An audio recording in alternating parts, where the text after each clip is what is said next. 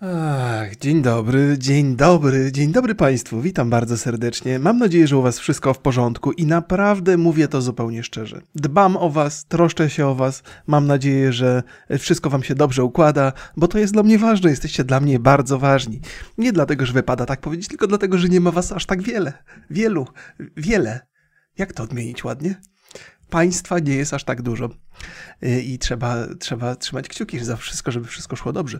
Proszę Państwa, z, ciekawostek yy, statystycznych, mm, Średnio jeden odcinek podcastu na Spotify'u ogląda się w liczbie 15 tysięcy wyświetleń, ale by osiągnąć te 15 tysięcy wyświetleń, to trzeba poczekać miesiąc albo dwa.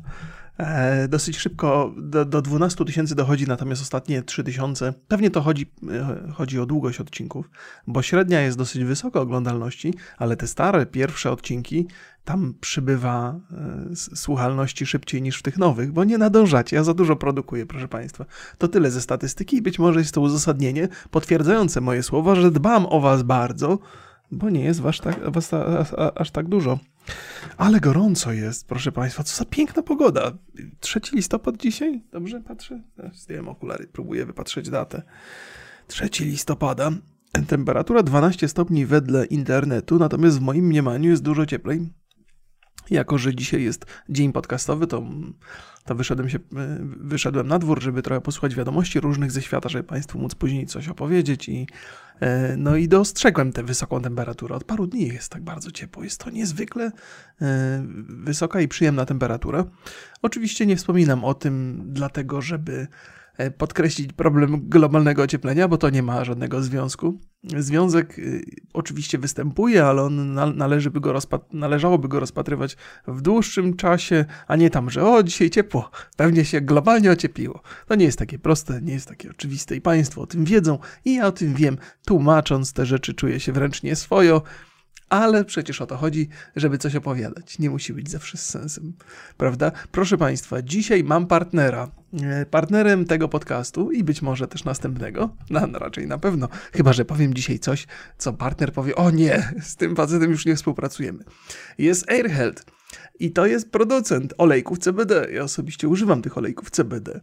E, ale by, by y, partnerstwu stało się zadość, kilka rzeczy istotnych, które muszę Państwu powiedzieć. O olejkach CBD już opowiadałem parę razy i u siebie na podcaście, i, i na podcaście z Borysem.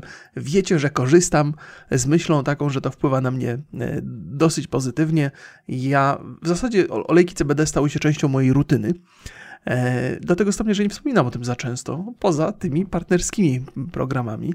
I to ma dla mnie właściwie tak. No ja nie jestem lekarzem, więc nie wiem, jak to działa, ale mam takie poczucie, że śpi mi się po tym dużo lepiej i że być może jestem spokojniejszy. I że dużo rzeczy takich ostatnio się pozytywnych wydarzyło w moim życiu i nie chcę tego wiązać z olejkiem CBD, ale olejek CBD był częścią tych zmian, które wprowadziłem i korzystam z tego na co dzień, pośród innych mądrych rzeczy, które być może robię. Gdybyście Państwo sobie zechcieli e, się z, w taki olejek zaopatrzyć. To jest, to jest, jest kod rabatowy, 20% zniżki i darmowa dostawa. I trzeba wpisać kod i ten kod jest rok. O, niespodzianka, niespodzianka. E, więc polecam Państwu spróbować, kto wie. Może, może, może komuś to w jakiś sposób y, poprawi samopoczucie. Nie ma szansy na negatywne skutki. Nie zawsze są pozytywne skutki, natomiast czasami się zdarzają i one chyba dosyć regularnie się zdarzają. U mnie, u mnie się zdarzyły, mam takie wrażenie. E, proszę Państwa, jakby z ogólnych, e, z ogólnych regułek jest taka, że, że mogą przynieść ulgę, gdy ktoś się dużo stresuje, ma nerwice, źle sypia i tak dalej, to jest w tym coś. Przy okazji, AirHealth to jest taka firma, która, która posiada własne pola uprawne. To jest polska firma i oni mają fioła na temat tych pól uprawnych i żeby one były super ekologiczne i fantastyczne i, i, i, i badania są polskie i się opierają w tym wszystkim na badaniach. To jest bardzo przemyślana technologia, stoi za tym nauka i, i są to rzeczy dobre i pochodzące z dobrych roślin. To tyle, jeżeli chodzi o kwestię partnerstwa. Pozdrawiam bardzo serdecznie partnera. Po, pozdrawiam też agencję, która tutaj e, pani Dominika mnie tutaj pilnuje i sprawdza, czy ja wszystko ładnie opowiedziałem. Ja nie mam za dużo y, współprac na tym podcaście, więc cieszę się z każdej, y, ale też y, nie wiadomo, czy można mi zaufać tak do końca, więc zawsze lęk pewnie panią Dominikę ogarnia, kiedy musi mi coś tutaj podrzucić, bo, bo ja nie, nie daję tych, tych współprac, a w zasadzie tych nagrań nie daję do sprawdzenia. Czyli jeżeli ktoś idzie ze mną na współpracę, to musi mi zaufać, że ja nie powiem nic niewłaściwego, nic złego, że ja nie skrzywdzę firmy i to jest, jest stresujące, bo tak sobie myślę, że w agencji, to współpraca z jakimś partnerem to jest coś poważniejszego. Nie? To nie jest tylko współpraca na potrzeby jednorazowej rzeczy, tylko jest wielu takich influencerów. Nie jestem influencerem, ale może jestem. E, I z wieloma można współpracować przy e, wsparciu tej marki. Natomiast jak jeden coś zepsuje, taki jak ja, coś powie niewłaściwego, to marka powie: O nie, wy nie potraficie ocenić swoich e, influencerów, my z wami nie chcemy. Ale myślę, że, że Pani Dominika nie musi się stresować, że ja jestem przyjazny i głupich rzeczy nie robię za często. Więc proszę Państwa, AirHealth polecam, polecam bardzo gorąco. Jeszcze będę o tym wspominał w niedalekiej przyszłości. E, a propos stresów, dzisiaj miałem stresujący dzień. Od samego rana przygotowywałem się mentalnie do szczepienia mojej córki. Szczepienia na meningokoki to jest chyba taka szczepionka dodatkowa, która nie jest obowiązkowa e, i nie ma nic wspólnego z, z aktualnymi szczepieniami i dyskusjami na temat szczepień. Więc y, to, to wymaga pewnej historii. Moja córka raz była tylko na zastrzyku, raz miała podczas takiej choroby, miała pobieraną krew z palca do trzech albo czterech takich małych próbówek. I to długo trwało i było bardzo bolesne dla niej. Ja wiedziałem, że ona się, że, że walczyła ze strachem e, i ze łzami i, i jakoś wytrzymała to, ale trauma się w niej taka zbudowała, że już nie chce żadnych szczepionek, bo to się nazywało szczepionka, to co, co, co to pobieranie krwi z palca, więc bała się bardzo, bardzo. I ostatnio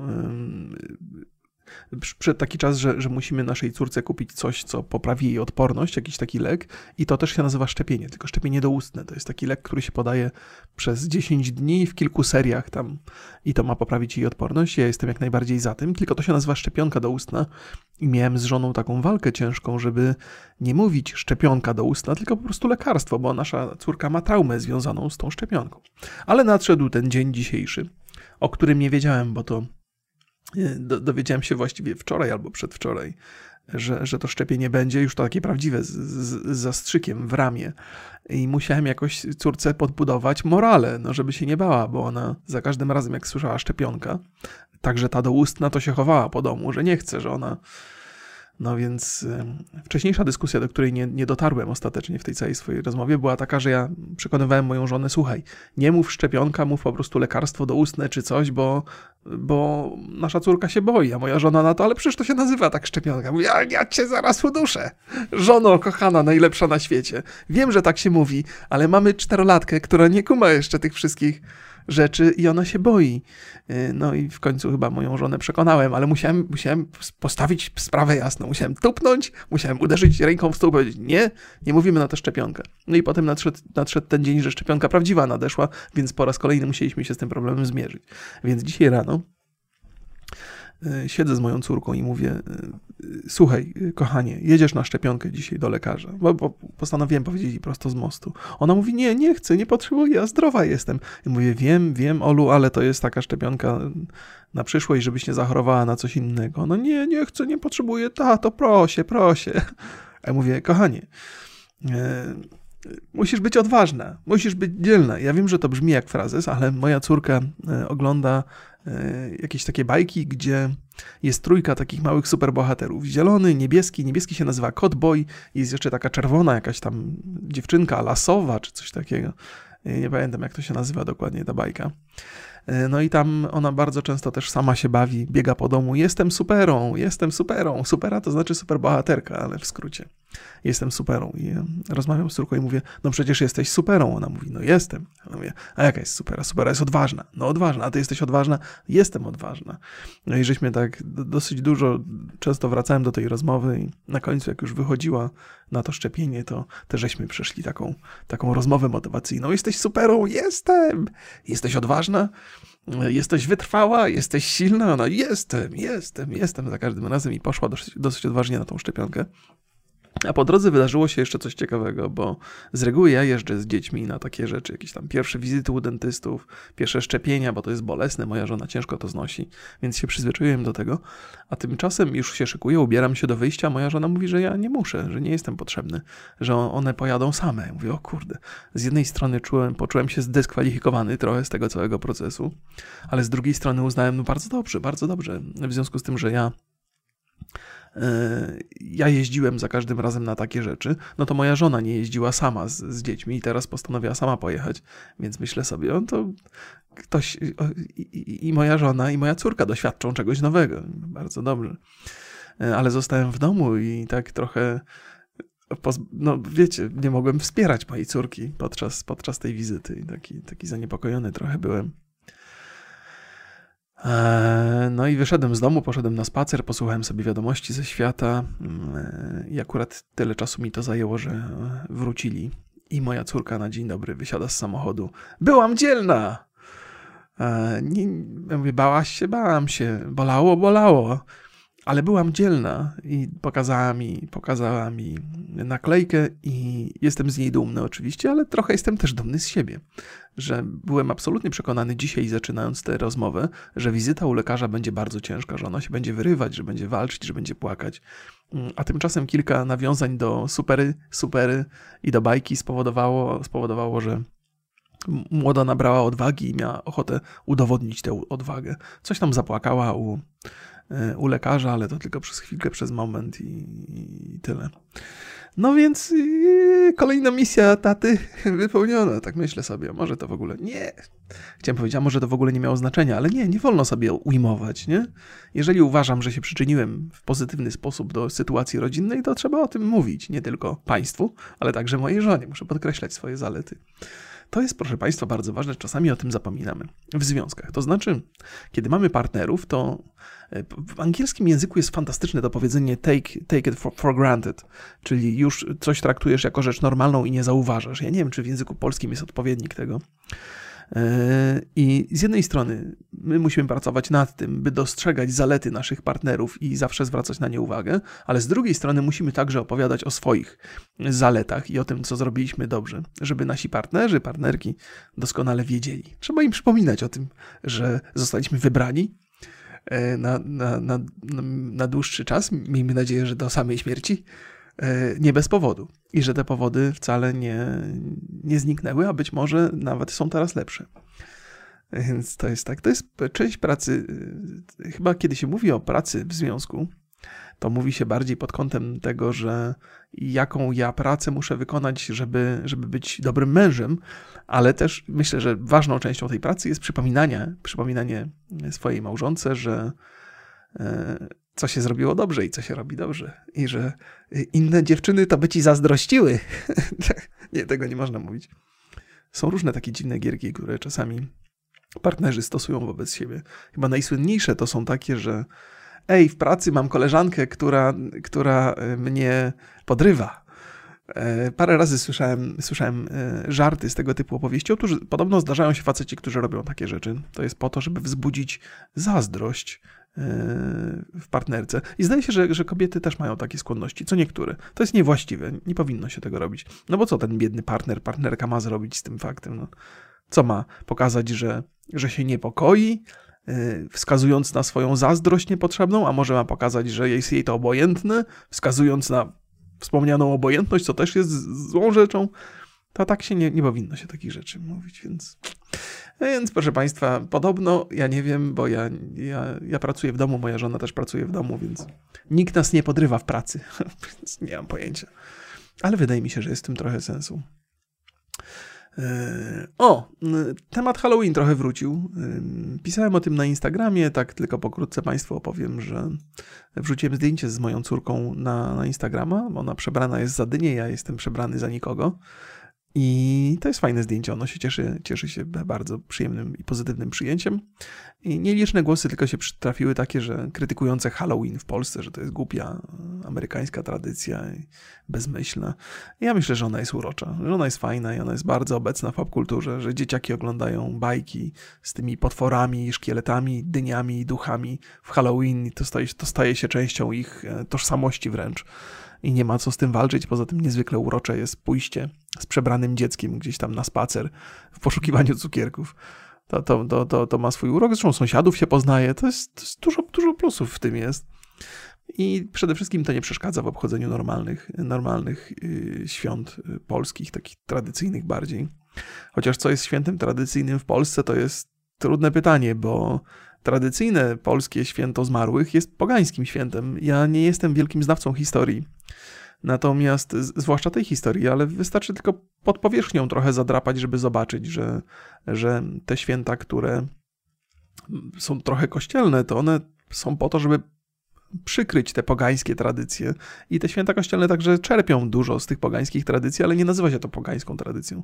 Więc prawdę powiedziawszy, Halloween, takie, to, to, to amerykańskie Halloween, które czerpie z różnych tradycji z całego świata, jest bliższe naszej pogańskiej kulturze, tej takiej tradycji, niż to, co to, na przykład to wszystkich świętych, które jest wymyślone przez Kościół na potrzeby Kościoła, więc E, więc nie ma się co bulwersować za bardzo. Zresztą moje profile śledzą ludzie starsi w dużej ilości, ale też dużo młodych ludzi ciągle jest jeszcze mm, albo tacy, którzy wyrośli na grach trochę i znają mnie z tego w internecie.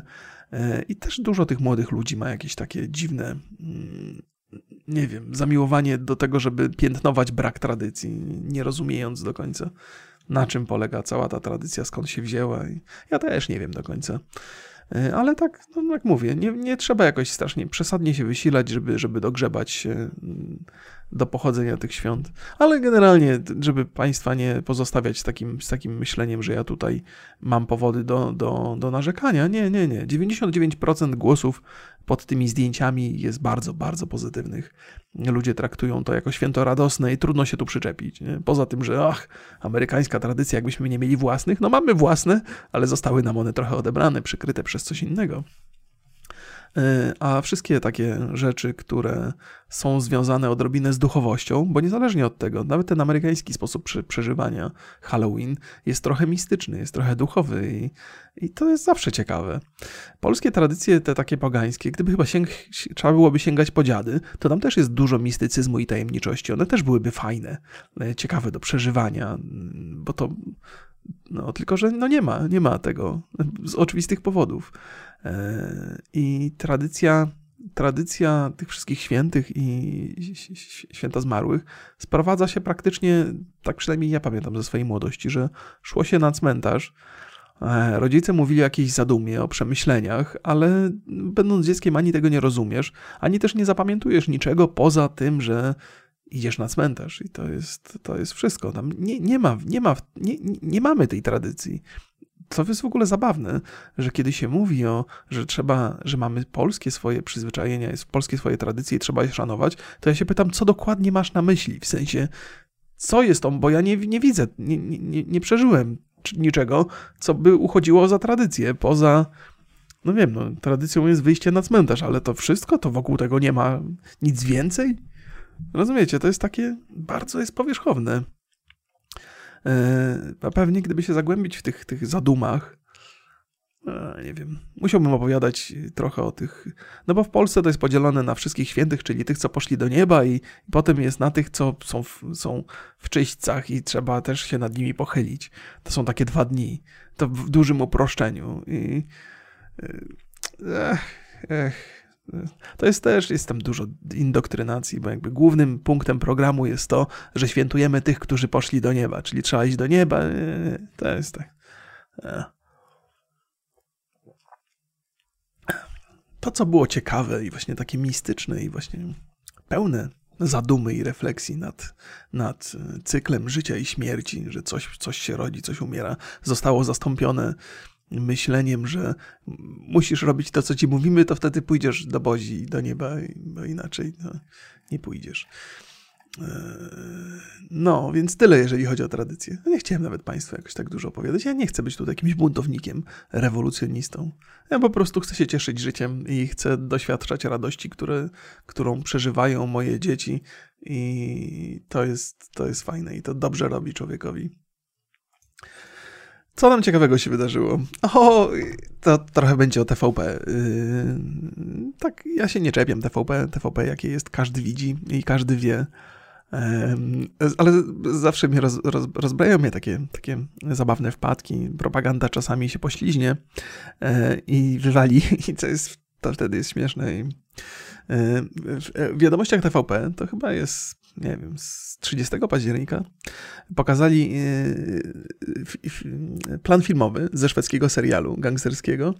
E, gdzieś tam w tym serialu była strzelanina, że ktoś tam strzelał do, do tramwaju w Szwecji i opisali na podstawie tego, tego planu filmowego, że tak sytuacja w Szwecji i w ogóle w krajach skandynawskich wygląda na co dzień. To chyba w ramach krytyki e, stosunków, stosunku krajów skandynawskich do, do, do imigracji w ogóle. E, I no, no i jest to wpadka oczywista, oczywiście. Tam TVP się też broni, że, że to wcale nie powiedzieli, że to jest, są wydarzenia prawdziwe, tylko że takie wydarzenia mają miejsce w Szwecji, że to jest co innego. Nie? Że okej, okay, wzięliśmy zdjęcia z planu filmowego, ale to chodziło tylko do zobrazowania tego, co dzieje się naprawdę. No nie, nie dzieje się naprawdę. Jest, ja w Szwecji nie spędziłem jakoś przerażająco dużo czasu, żeby móc ocenić tamtą rzeczywistość, ale byliśmy z Borysem w Szwecji i żeśmy specjalnie, nie, nie wiem czy specjalnie, chyba niechcąco, żeśmy poszli do, tych, y, do takiej dzielnicy, która uchodzi za bardzo, bardzo niebezpieczną. Że jak jesteś białym człowiekiem, to tam się nie powinieneś pokazywać. My żeśmy jakoś szli totalnie późno w nocy.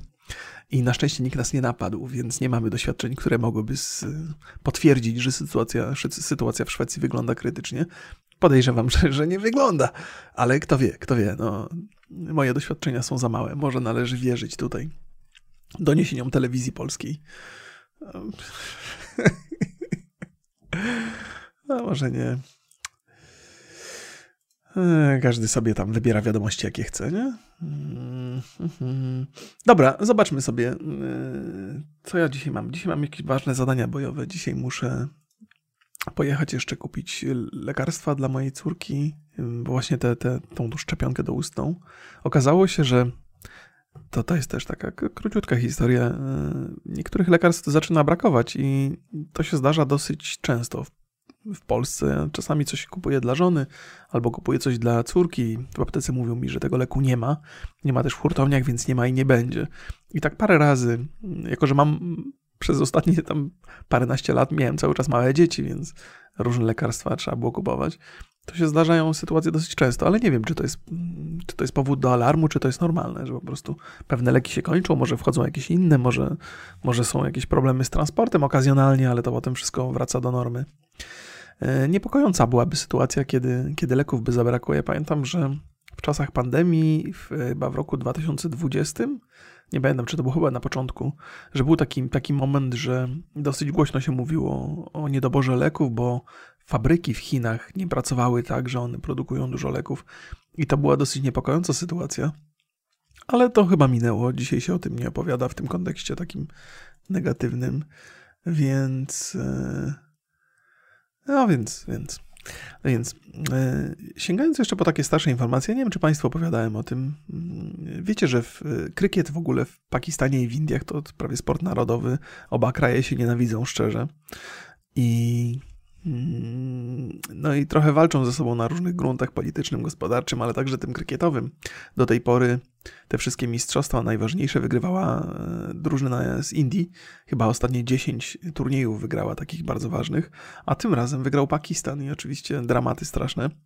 Ale co ciekawe, w Indiach doszło do aresztowań. Aresztowano ludzi, którzy kibicowali drużynie pakistańskiej, którzy bili brawo i którzy publicznie cieszyli się z sukcesu drużyny pakistańskiej. Ja jakby rozumiem pewną niechęć, do, do jakiej może dochodzić między narodami i my w Polsce nie jesteśmy obcy e, tej niechęci, bo przecież ja nie wiem jak, e, mam takie, może to się zmienia i bardzo dobrze, że się zmienia, ale jeżeli chodzi o nasz stosunek do Niemców, on jakoś tak chyba nie jest przesadnie pozytywny. Nie, może jest już dzisiaj neutralny, ale pamiętam, że przynajmniej w moim, za czasów mojej młodości, w tych, tych, tych, tych, to tak za Niemcami się nie przepadało. Ja staram się być tutaj bardzo e, kulturalny, bo żeby, nie, nie, żeby to nie, nie wiem, żeby jakąś ksenofobią tu nie pachniało, bo to chyba tak nigdy nie było. Do Niemców się jeździło na, na, na, na zakupy czy coś. Więc e, to taka, taka niechęć, powiedzmy, motywowana historią, ale nie, nie mająca oparcia w bieżących wydarzeniach. E, za Rosjanami też się nie przepadało, ale za Rosjanami to się chyba nie przepada bardziej za, za, za władzą w Rosji niż za samymi Rosjanami. Ja kiedyś w internecie rozmawiałem z Rosjaninem i mówię, tak, tak jakoś zeszło, zeszło właśnie na, na, nasze rozmowy na relacje między, między naszymi narodami i, I facet mówi, ja mówię, a to prawda, że tak tam za bardzo Rosjanie za Polakami nie przypadają? A on mówi, co ty gadasz? W ogóle raz słyszę z jego historii i zakładam, że ona była prawdziwa, bo to jakiś tam młody chłopaczek, który grał w grę, opowiadał, że oni uwielbiają Polaków. Ja mówię, jak? Dlaczego? Za co? Nie, nie wiem dokładnie za co, ale że uwielbiają. To było takie dla mnie zaskakujące i, i, i bardzo pozytywne. E, no, a my tak za Rosjanami to nie bardzo, to nie bardzo, ale to chyba właśnie wynika z niechęci bardziej do władzy niż do, do narodu. Nie? E, no, no, więc, więc jak mówię, no, u nas w Polsce też się zdarzają takie sytuacje, że tam, zresztą za sąsiadami często się nie przepada. Nie? E, to jest chyba też taka norma. Ale żeby do takich sytuacji jak między Indiami i Pakistanem dochodziło, to, to bym w życiu się nie spodziewał.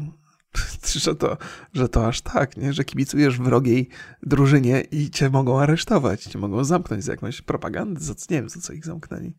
Jeszcze dodatkowo ci, którzy kibicowali Pakistanowi, byli muzułmanami, no to już zupełnie masakra. Nie?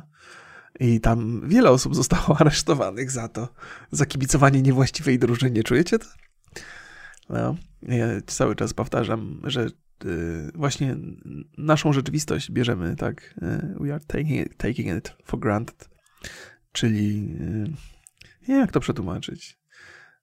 To, co my traktujemy jako rzecz normalną i co jest nam bliskie i namacalne, w niektórych miejscach na świecie jest totalnie niedostępne, kom kompletnie. I to nawet nie w kwestii, nie wiem, dobrobytu gospodarczego, ale w ogóle sposobu myślenia.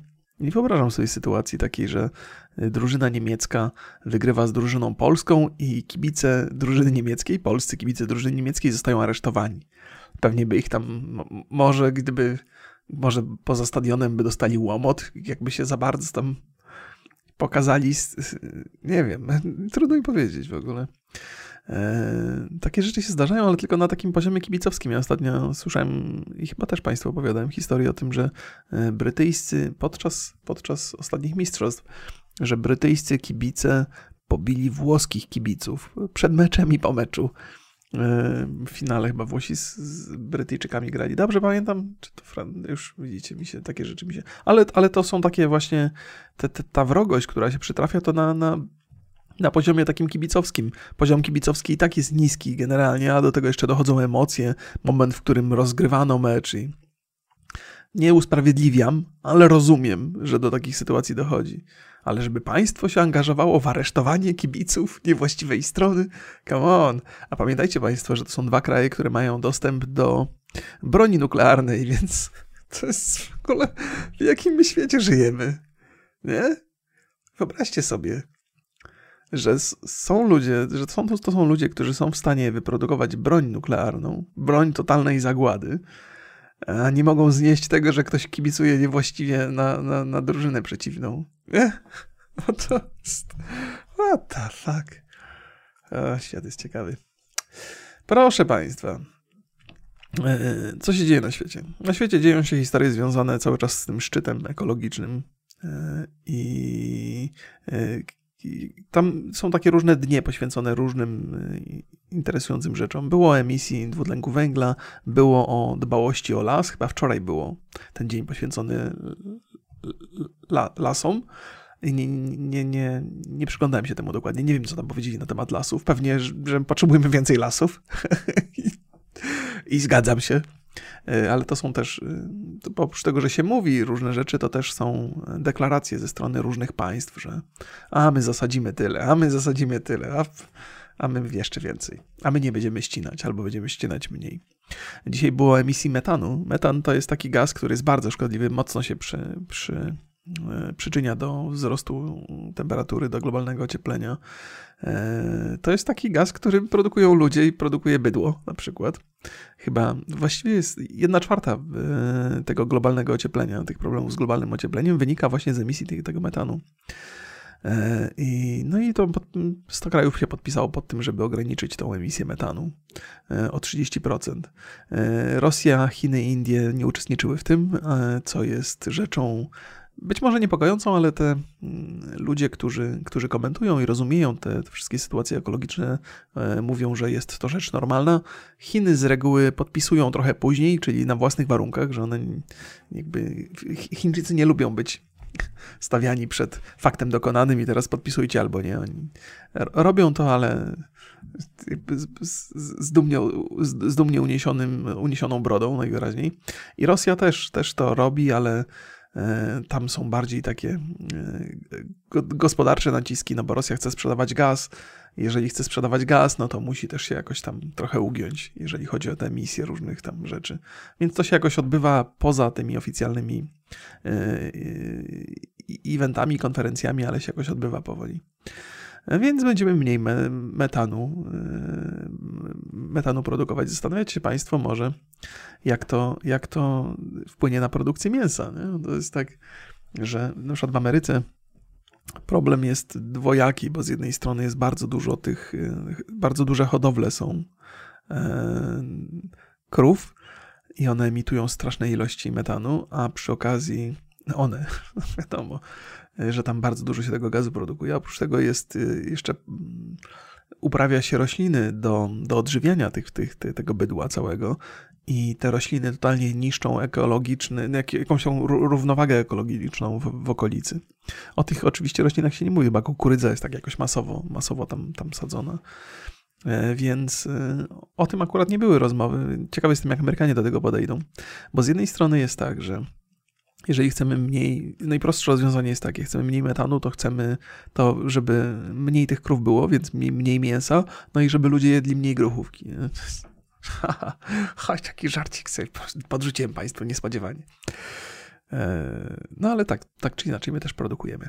E, ale, e, ale, ale z, z, okazuje się, że jest kilka sposobów na to, by się, by się tego metanu pozbywać.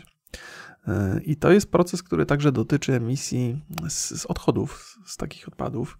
W Wielkiej Brytanii już w, pa, w, na, na, w paru farmach wprowadzono jakieś takie rozwiązanie technologiczne, które pozwala zmieniać strukturę tych odchodów, że one nadal stanowią fantastyczny nawóz, e, ale pierwotnie, ale zanim ten nawóz zostanie zastosowany, e, to poddawany jest jakiejś tam obróbce, która niweluje obecność szkodliwych substancji i przy okazji podczas tego procesu obróbki e, także pobierane są z powietrza inne szkodliwe substancje, więc ciekawy w ogóle system, który powoduje, że nie tylko niwelujemy to, co było niewłaściwe w, w hodowli zwierząt, ale także pozbywamy się jeszcze dodatkowo ze, ze środowiska innych substancji, które też są szkodliwe. Ja oczywiście nie, nie znam do końca tego pełnego procesu technologicznego. Kiedyś miałem okazję posłuchać dziennikarza, który robił raport, reportaż z takiej farmy, dokładnie jak to tam wyglądało, ale też tam zrozumiałem piąte przez dziesiąte. Z mojej perspektywy to wygląda tak, że jest taki proces, on kosztuje, ale farmerzy go powoli wprowadzają w Wielkiej Brytanii, e, który powoduje, że, się, że, że, że jest dużo bardzo pozytywnych skutków i zwierzęta nadal mogą być hodowane i jak ktoś lubi mięsko, to nie musi się czuć tutaj zagrożony. E, że, że mu zostanie ono odebrane. E, więc to jest w ogóle też interesujące, że dużo zanieczyszczeń, Y, które jakby przeciwdziałanie zanieczyszczeniom y, jest oczywiście z reguły bardzo kosztowne, ale może być niezwykle skuteczne i może być skuteczne na kilku możliwych na, na, na, kilku potencjalnych poziomach i tak jest w przypadku tej technologii związanej z oczyszczaniem e, tych, tych odchodów, odpadów, odchodów zwierzęcych. I jest to, jest to ciekawostka, proszę Państwa, więc bądźmy optymistyczni może. Ja, jeżeli chodzi o ten szczyt, to ja mam takie, takie, takie poczucie, że parę razy już Państwu opowiadałem, że tam zostanie podpisanych wiele deklaracji, że, że sobie tam e, przywódcy tych krajów przybiją piątkę, ale że niewiele się zmieni, albo nic zupełnie, ale kto wie, kto wie. Może powinniśmy przynajmniej przez parę dni żyć z nadzieją, że, że, że coś się może zmienić. No. Nie wiem, czy, nie wiem, czy to wpłynie na nasze życia, czyli na przykład moje, zakładam, że jeszcze będę z 50 lat żył, czyli do 94 zamierzam dobrnąć co najmniej, e, co się nie musi udać wcale, y, to mam nadzieję, że, że jeszcze będzie w miarę do życia, ale moje dzieci, moje wnuki, to już mogą mieć problem. E, w Nigerii zawalił się budynek. Nie wiem, czy państwa. To jest Nigeria, no. Ja czasami sięgam, czasami te afrykańskie wiadomości e, są. Znaczy, to właściwie to nie, nie, nie ma nic wspólnego z, z, z lokalizacją, ta, ta wiadomość. Natomiast ma trochę wspólnego z, z, z, budownictwem. Budownictwo jest mi bardzo bliskie. Ja skończyłem technikum budowlane i, i lubię budownictwo w ogóle. Moja żona jest architektem, to może też ma jakiś związek. Byłem też na, na Polibudzie, jakby Państwo nie wiedzieli, wracam do tych historii. E, mam trochę wiedzy budowlanej, niewiele, bo, bo nie stosuję jej w życiu codziennym, więc ona, ona się, ale jakoś tak się zapisała w mojej pamięci dobrze i rozumiem, jakie procesy towarzyszą w ogóle budowaniu y, budynku, co, czemu się walą budynki, co to jest przeprojektowanie, co to jest y, zbyt duże tempo budowania i, i, i jakie może przynieść skutki, więc za każdym razem, kiedy takie informacje są, to się im, im baczniej przysłuchuje. Zginęło 16 osób, 9 osób zostało uratowanych. To był budynek, który był wznoszony dopiero. E, w związku z tym, że, że jakby budżet na wznoszenie tych budynków nie jest przesadnie wysoki, ale chcą mieć szybko te budynki wybudowane, to jest, dochodzi do wielu patologii w całym procesie. Po pierwsze, stosuje się tańsze materiały budowlane, co jest dużym kłopotem. Po drugie, robi się to znacznie szybciej niż się powinno. Mm, ja wiem, że są substancje, które powodują, powodują że beton wiąże znacznie, znacznie szybciej niż normalnie, bo w normalnych warunkach, jak na przykład się robi, buduje się dom i się robi strop, to trzeba mu pozwolić przynajmniej ze dwa tygodnie postać, zanim się na niego wejdzie i zanim się usunie rusztowania. Przynajmniej tak było za moich czasów. E, kiedy, kiedy, kiedy współuczestniczyłem w budowaniu domu moich rodziców, to, to tak było. E, dzisiaj się to robi znacznie szybciej i te substancje są dosyć skuteczne, przyspieszające wiązanie, ale one muszą być dobrej jakości. I sam beton musi być dobrej jakości, cement musi być dobrej. Znaczy, beton jest e, tym wynikiem cement musi być przede wszystkim dobrej jakości. Jeżeli to nie zostanie spełnione, cement jest byle jaki, substancje, które przyspieszają wiązanie są byle jakie i jeszcze przy okazji są pracownicy niewykwalifikowani, co tam ma miejsce, źle się pomiesza albo źle się umieści, e, źle się umieści e, zbrojenie, to to jest bardzo nietrwałe. I prawda jest taka, że jeżeli się zawali budynek, który jest wznoszony, oczywiście wielką tragedią jest to, że tam byli ludzie w tym budynku i że zginęli, ale wyobraźcie sobie sytuację, że ten budynek jest ukończony, tam jest dużo więcej ludzi i ten budynek wali się wtedy. To jest jeszcze, jeszcze gorsza, gorsza sytuacja. Więc jakby z dwojga złego, no to, to, to zło akurat jest lepsze, chociaż jak mówił Geralt, nie ma mniejszego zła, większego zła. No ale to też jest taki zawsze dzwonek alarmowy, że trzeba zwracać na to uwagę. Takie rzeczy się dzieją w różnych miejscach na świecie. W Stanach Zjednoczonych też się dzieją takie sytuacje, że budynki się walą w trakcie, w trakcie budowania, więc patologie związane z, z procesem wznoszenia budynków są na całym, na całym świecie obecne. E, we Włoszech chyba jakiś most się zawalił, a to wynikało także przede wszystkim z tego, nie, nie z tego, że był źle wzniesiony, tylko że nikt o niego nie dbał. Że jak już jest sobie, to niech sobie będzie, nikt nie sprawdzał, co tam się dzieje. Pewnie obciążenia się zmieniały i, i się też zawaliło. I to jest, no, w, w budownictwie jest dużo, dużo zagrożeń. W Polsce była taka wielka katastrofa budowlana, jakiś taki, to była jakaś taka hala targowa, która się zawaliła akurat podczas e, pokazu gołębi. Mm, to, takie, takie coś tam było. To, to, też mi wtedy zwróciło uwagę na to, że ludzie są w Polsce, którzy zbierają jakby te gołębie i fascynują się tym. E, to była taka sytuacja, że dach został przeciążony przez mm, jakąś nadwyżkę śniegu. Z reguły taki, w takich. Z reguły się przepro, przeprojektowuje te, te, te budynki. W ogóle wszystkie konstrukcje budowlane się przeprojektowuje. nie wiem, jaki jest tam margines błędu, ale on jest znaczny. To znaczy, jeżeli zakładamy, że jakieś będzie obciążenie na budynek, e, że będą jakieś siły działały, to projektujemy budynek tak, jakby te siły były dużo wyższe, e, czyli jakby wznosząc w jakimś miejscu budynek, sprawdzamy, jakie są warunki atmosferyczne, jaki jest grunt, jakie są budynki w okolicy, co się w ogóle dzieje, jakie są siły i projektujemy coś, co jest znacznie mocniejsze niż te wszystkie warunki zewnętrzne. Dla bezpieczeństwa. Ten margines bezpieczeństwa jest bardzo ważny. W przypadku tej, tej hali doszło do tego, że e, pojawił się tam śnieg na dachu, i to było coś, co, co mm, jakby zostało uwzględnione w projektowaniu, natomiast tego śniegu nikt nie, nie oczyszczał i z niego się zrobiła taka twarda, ciężka skorupa, że on się zaczął topić, tam się zaczął pojawiać lód, z jakiegoś powodu zwiększył się ciężar znacznie, tego śniegu przybywało i, i ta katastrofa budowlana najwyraźniej wynikała głównie z tego, że no po prostu nie było kontroli nad tym, że nie sam błąd projektowy, tylko to, że nikt tego nie pilnował, że nikt tego nie oczyszczał. Nie wiem, kto tam ostatecznie karę poniósł za to. I nie wiem, czy też do końca wszystko dobrze pamiętam. Ale katastrofy budowlane mnie ciekawią. Nie dlatego, że mnie fascynują, że ludzie, ludzie, ludzie giną, tylko powody, które, które przyczyniły się do katastrof budowlanych. To takie, to nie jest niezdrowa fascynacja. Więc teraz też przecież niedawno w Stanach Zjednoczonych e, budynek się zawalił. Nie wiem, czy to było w Kalifornii, też Państwu o tym opowiadam. Trochę mi wyleciało teraz z głowy i nawet nie sprawdziłem w zasadzie, co było przyczyną, ale to chyba też był taki budynek, który był starszy i nie był, nie był sprawdzany, nie był konserwowany na bieżąco i coś tam poszło nie tak. O Jezu, dużo było takich. E, zdarzają się takie, przepraszam, że tak utkwiłem przy tym temacie, ale im więcej o tym myślę, tym więcej rzeczy mi się przypomina. E, w centrach handlowych, też w Stanach Zjednoczonych, w centrum handlowym był taki pomost i w okolicach świąt, zdaje się, to się odbywało, że bardzo dużo ludzi pojawiło się w tym sklepie, bardzo dużo ludzi wchodziło na ten pomost i mimo, że ten pomost został przeprojektowany, jak to wypada w takich sytuacjach, to jednak obciążenie było zbyt duże i się zawaliło wszystko. Ludzie pospadali stamtąd, mnóstwo było e, śmiertelnych przypadków. Tam ten pomost spadł na innych ludzi, którzy tłumnie byli gdzieś tam niżej. Albo zdarzają się takie e, no, przed wesela gdzieś tam, e, że ludzie tańczą na jakiejś kondygnacji i nagle zapada się, zapada się cała kondygnacja w dół, bo obciążenie jest za duże, wali się cały budynek. E, jeszcze jedna z ciekawych rzeczy to jest taka, że mm, nie wiem, czy to jest zgodne z prawdą, e, bo jest coś takiego jak, jak obciążenie, które nie przekracza dopuszczalnego, ale, ale jest, pojawiają się drgania, które osłabiają konstrukcję.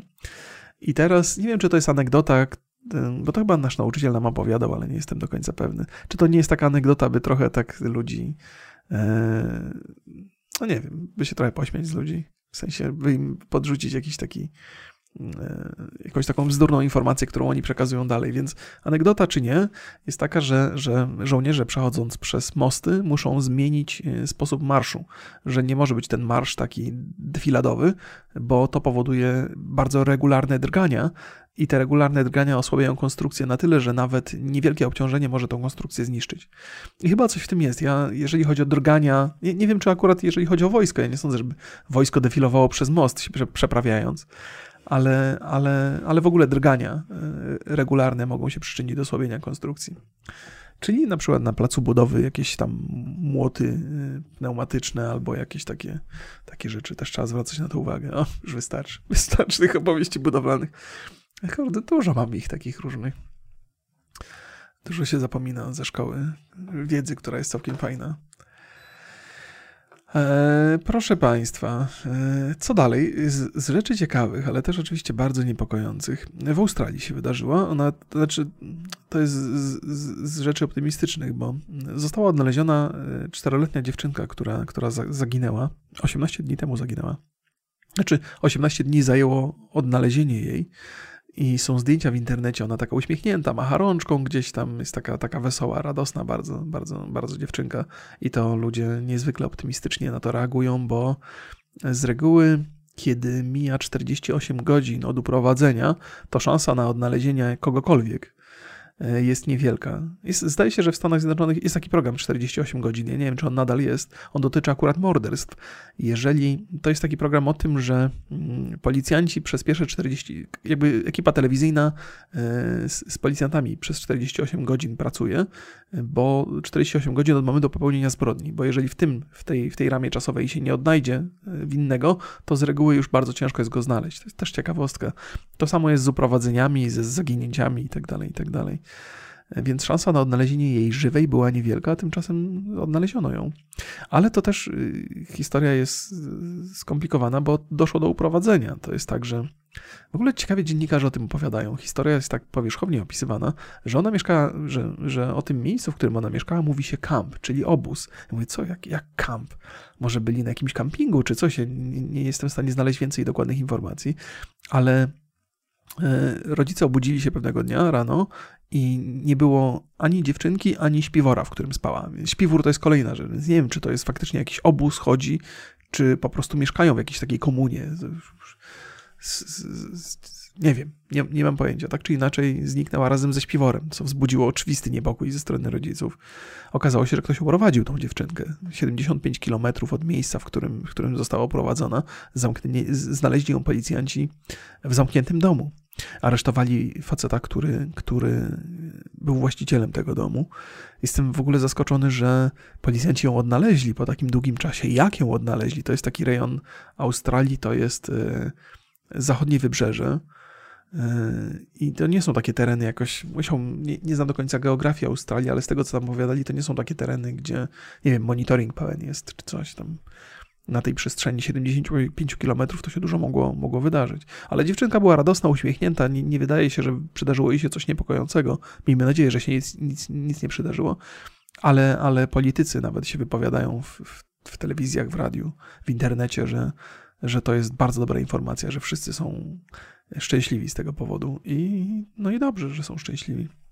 Ciekawy jestem, jak to się dalej potoczy, o ile będzie mi dane dowiedzieć się, bo wiecie, jak to jest z follow-upami w internecie, nie?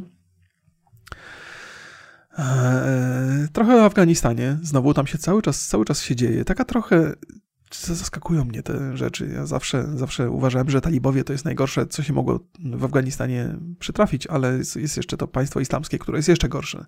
Wedle standardów państwa islamskiego talibowie nie są wystarczająco twardzi, w związku z tym przydarzają się tam zamachy bombowe, zamachy samobójcze, jakieś ataki. Teraz na szpital w, w, Kabulu był atak terrorystyczny, atak bombowy, zmarły 24 osoby. Pięciu tam, mm, pięciu, pięciu żołnierzy państwa islamskiego wkroczyli do, do tego szpitala, zaczęli zabijać ludzi. Zaczęło się od, od ataku samobójczego, do jakiejś eksplozji doszło i ja nie wiem, jakby masz takie wrażenie, że no talibowie już są najgorsi, jacy mogą tylko być, a potem się okazuje, że są jeszcze gorsi. Cześć. No, ale to wiecie, wiemy wszyscy. Wiemy wszyscy, że po raz kolejny mówię, że im więcej człowiek zaczyna przyglądać się sytuacjom na świecie, to tym bardziej sobie uświadamia, jak, e, jak dobrze mu tutaj, gdzie jest i te wszystkie problemy, które mamy, te, te spory, ta, ta, jak to się mówi, o, że się grupy społeczne nie mogą dogadać, e, że to nie to jest nic w porównaniu do prawdziwych problemów. E, I że. No ale to też oczywiste. Mówię Państwu frazesy, nie? Ale to jest też taka myśl, że ja, ja to mówię po to, że, że wiadomo, że mi się nie dzieje źle i że mój optymizm wobec życia jest uzasadniony przez wiele różnych czynników, ale, ale sam fakt jakby mieszkania w tym miejscu na świecie jest takim, jest czymś jednak pozytywnym. No. Tylko to jest zawsze, wszystko zależy od punktu odniesienia. Jeżeli porównujemy swoją sytuację do, do sytuacji innych ludzi, jeżeli tym innym ludziom jest lepiej, to mamy takie poczucie, że ci inni ludzie nie mają prawa nam mówić, że powinniśmy się cieszyć ze swojego życia. No. Daj mi to, co ty masz, i ja się wtedy będę cieszył z, z tego życia. No, ale, ale są miejsca na świecie, gdzie jest, gdzie jest gorzej. Może warto o tym pamiętać. Boże, jak się nazywa ta, ta, ta relacja w społeczeństwie, gdzie dwie grupy duże się nie potrafią dogadać? Że te poglądy są spolaryzowane. Polaryzacja, o, że tak. E, polaryzacja poglądów to, to pola, polaryzacja poglądów to największy problem dzisiejszych czasów. No, otóż nie specjalnie. Ale mamy, nie potrafimy się dogadać co do szczepionki, nie? A tam, kurde, zamachy, bomby, szaleństwo jakieś kompletne. To samo, to samo zresztą w Etiopii. E, w Etiopii, w Etiopii cały czas tam e, jest taka Armia Wyzwolenia, e, OLA oni się nazywają, no i tam do regularnych walk dochodzi. Nie wiadomo o co, o co biega tak naprawdę. E, w sensie, no trudno ocenić to, co się dzieje w, w, w Etiopii, ale rząd się z jednej strony oskarża o jakieś masowe aresztowania, o, o, o morderstwa, jakieś bardzo niewłaściwe podejście do jakichś tam mniejszości. Z drugiej strony to LA oskarża się o mordowanie cywilów i nie, nie, nie dojdziesz. Pewnie jedni i drudzy są tak samo winni. Ale no, Afryka, no, Etiopia. Co my tu mamy? Och, to jest ciekawe. E, Sepp Plater, były szef FIFA i prezydent UEFA, Michel Platini, został, zostali oskarżeni o oszustwo, o korupcję w ogóle w tych najwyższych władzach piłkarskich. 2 miliony dolarów od Platera do, dla Platiniego nastąpił w 2011 roku, czyli to 10 lat temu. E, I ciekawa historia jest o tyle, że, że to jest taka umowa, która między tymi dwoma osobistościami ze świata piłkarskiego, to jest taka umowa ustna. To znaczy, Platini twierdzi, że te pieniądze mu się należą, ponieważ pracował jako konsultant dla FIFA, ale umowy nie było na papierze, ona była tylko werbalna między tymi dwoma jegomościami. I myślę sobie, okej, okay, ja yy, pracując w internecie jest mnóstwo umów, w których uczestniczę, które są werbalne, które są właściwie takie, że się pogada, ty zrobisz to, my zrobimy to, my ci za to zapłacimy. To trzeba trochę weryfikować. Na szczęście większość tych umów kończy się fakturą, więc jest dokument, jest, jest robota, którą można pokazać palcem. Natomiast y, wydaje mi się, że coś takiego jak konsultacja dla FIFA to nie jest coś, co można pokazać palcem. To nie jest coś, co pozostawia trwały, niezatarty ślad. I. No i oczywiście przychodzi do, do głowy tylko jedno wytłumaczenie, że tutaj mamy do czynienia z jakąś łapową, z jakąś korupcją, z jakimś, z jakimś po 2 miliony dolarów, jakimś przelewem, że się potem panowie mogli podzielić tą kasą czy coś. No, różne można mieć, różne można mieć przemyślenia. E, no i, no i to ciekawe, jak to się. 5 lat więzienia albo, albo grzywna za, za fałszerstwo, bo nawet jeżeli ta współpraca faktycznie miała miejsce i dochodziło tam do konsultacji, to, to nikt tego nie udowodni. To nie jest do, do udowodnienia. No jak, no, no co, co? No konsultowałem się z nimi, no. Mówiłem mu, co robić, czego nie robić. Wspierałem. Cały czas byłem obecny, byłem, byłem na telefonie. Nie wiem, czy to jest praca warta dwóch milionów, ale, ale panowie mają przechlapane. Ale Sepp Plater, zresztą Michel Platini też y, informowali, że teraz ma dojść do procesu i obaj są szczęśliwi z tego, z tego, z tego procesu, że wreszcie sprawa się wyja wyjaśni. Okej, okay, no może się wyjaśni, ale ich optymizm może być na przesadzony. Może, może pójść nie po ich myśli. E, ale zobaczymy. E, zobaczymy, zobaczymy. Proszę Państwa, ekologiczny problem po raz kolejny, drugi. Miałem o tym opowiadać e, przy, przy, przy, w kontekście tego szczytu, ale to jest problem trochę oddzielny. Proszę Państwa, czy Państwo korzystają z chusteczek nawilżających? Ja, ja korzystam i nawet nie wiedziałem, jak one są szkodliwe.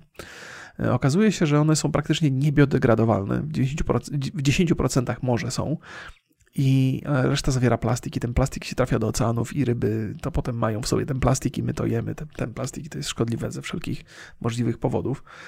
E, I ja chyba przestanę używać tych ściereczek. One są super wygodne i bardzo skuteczne, i zwłaszcza jak się ma. Mm, jak trzeba jeszcze się pieluchami zajmować. Ja już teraz nie mam takiego problemu z pieluchami, bo moja córka ma 4 lata, mój syn ma 13, więc sami rozumiecie, ale ale to było bardzo, bardzo skuteczne i bardzo pomocne. Nikomu nie chciałbym tego odbierać, ale gdyby tego nie było, to jakoś byśmy sobie poradzili. W sensie można papierowe ściereczki namoczyć wodą już. To jest jeden ruch więcej. I gdybym wiedział wcześniej, że te ściereczki są takie e, szkodliwe, to bym ich nie używał po prostu już od dłuższego czasu i teraz na pewno też nie będę z nich korzystał. Jeszcze mamy w domu e, jedną paczkę, ale następnej już nie kupię. Nie wiedziałem po prostu. No, czasami taka błaha podstawowa wiedza pomaga, e, żeby coś zmienić e, niewielkiego. Ale tak sobie myślę, że to zagrożenie dla ryb, setki milionów ryb, że to, jest, że to zagrożenie dla, dla ryb w postaci plastiku to jest dużo mniejsze zagrożenie niż, e, niż rybołówstwo, że tych ryb ubywa w zastraszającym tempie i zmienia się ekosystem w sposób potworny, ponieważ ryby są łowione do tego stopnia, że ich zabraknie. Więc jak my, moment, w którym my się pozbędziemy plastików z naszego użycia, takich, takich plastików, które w oceanie mogą narobić szkody, to już będzie taki moment, że w, plasti- że w oceanach nie, będzie, nie będą żyły żadne stworzenia. No bo... No bo, bo wszystkie złowimy i zjemy, zjemy. Na szczęście mam wujka, który ma staw z karpiami, no to może chociaż karpi, karpia nie wiem, nie wiem jak z tymi rybami będzie. Bo te ryby słonowodne, no to one przyszłości nie mają raczej w naszej rzeczywistości. No dużo się mówi o tym plastiku, ale zdecydowanie mniej się mówi na temat rybołówstwa, które stanowi dużo większe zagrożenie.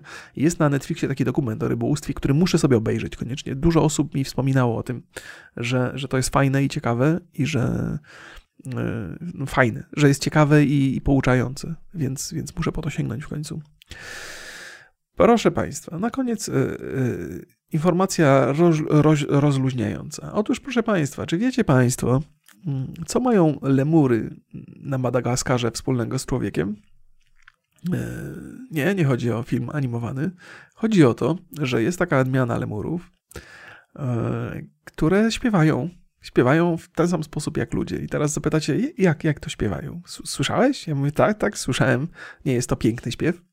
Jednakowoż jest to śpiew dosyć charakterystyczny i jest to śpiew, który y, tylko dwa, dwa gatunki na Ziemi są w stanie y, poczynić i jest to człowiek i jest to ten, ten, ten lemur. E, śpiew wyróżnia się tym, że występują w nim regularne interwały, chociaż e, interwały chyba zawierają w sobie słowo regularny, prawda? Więc może masło maślane, ale są różne gatunki zwierząt, które wydają ze sobie, z, z, z, siebie dźwięki. Ptaki potrafią być bardzo melodyjne, delfiny też potrafią wydawać.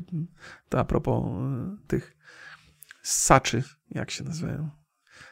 O Boże, jak się nazywa nasz gatunek? Jezus, jakie to jest straszne. Po angielsku to jest mamal. E, sak, saki. Sak, saki. No więc myślałem, że, że to jest coś normalnego. Okazuje się, że wydawanie dźwięków i dzielenie tych dźwięków na równe odstępy, czyli mamy jakiś dźwięk, który trwa określony czas, potem jest odstęp, który też trwa określony czas i jest kolejny dźwięk. Że tylko ludzie i tylko telemury potrafią e, wytwarzać tego typu e, interwały, czyli przerwy między dźwiękami mają taką samą długość i dźwięki mają taką samą długość. To się nazywa dokładnie w tym języku naukowym categorical rhythm. Tak, dobrze mówię?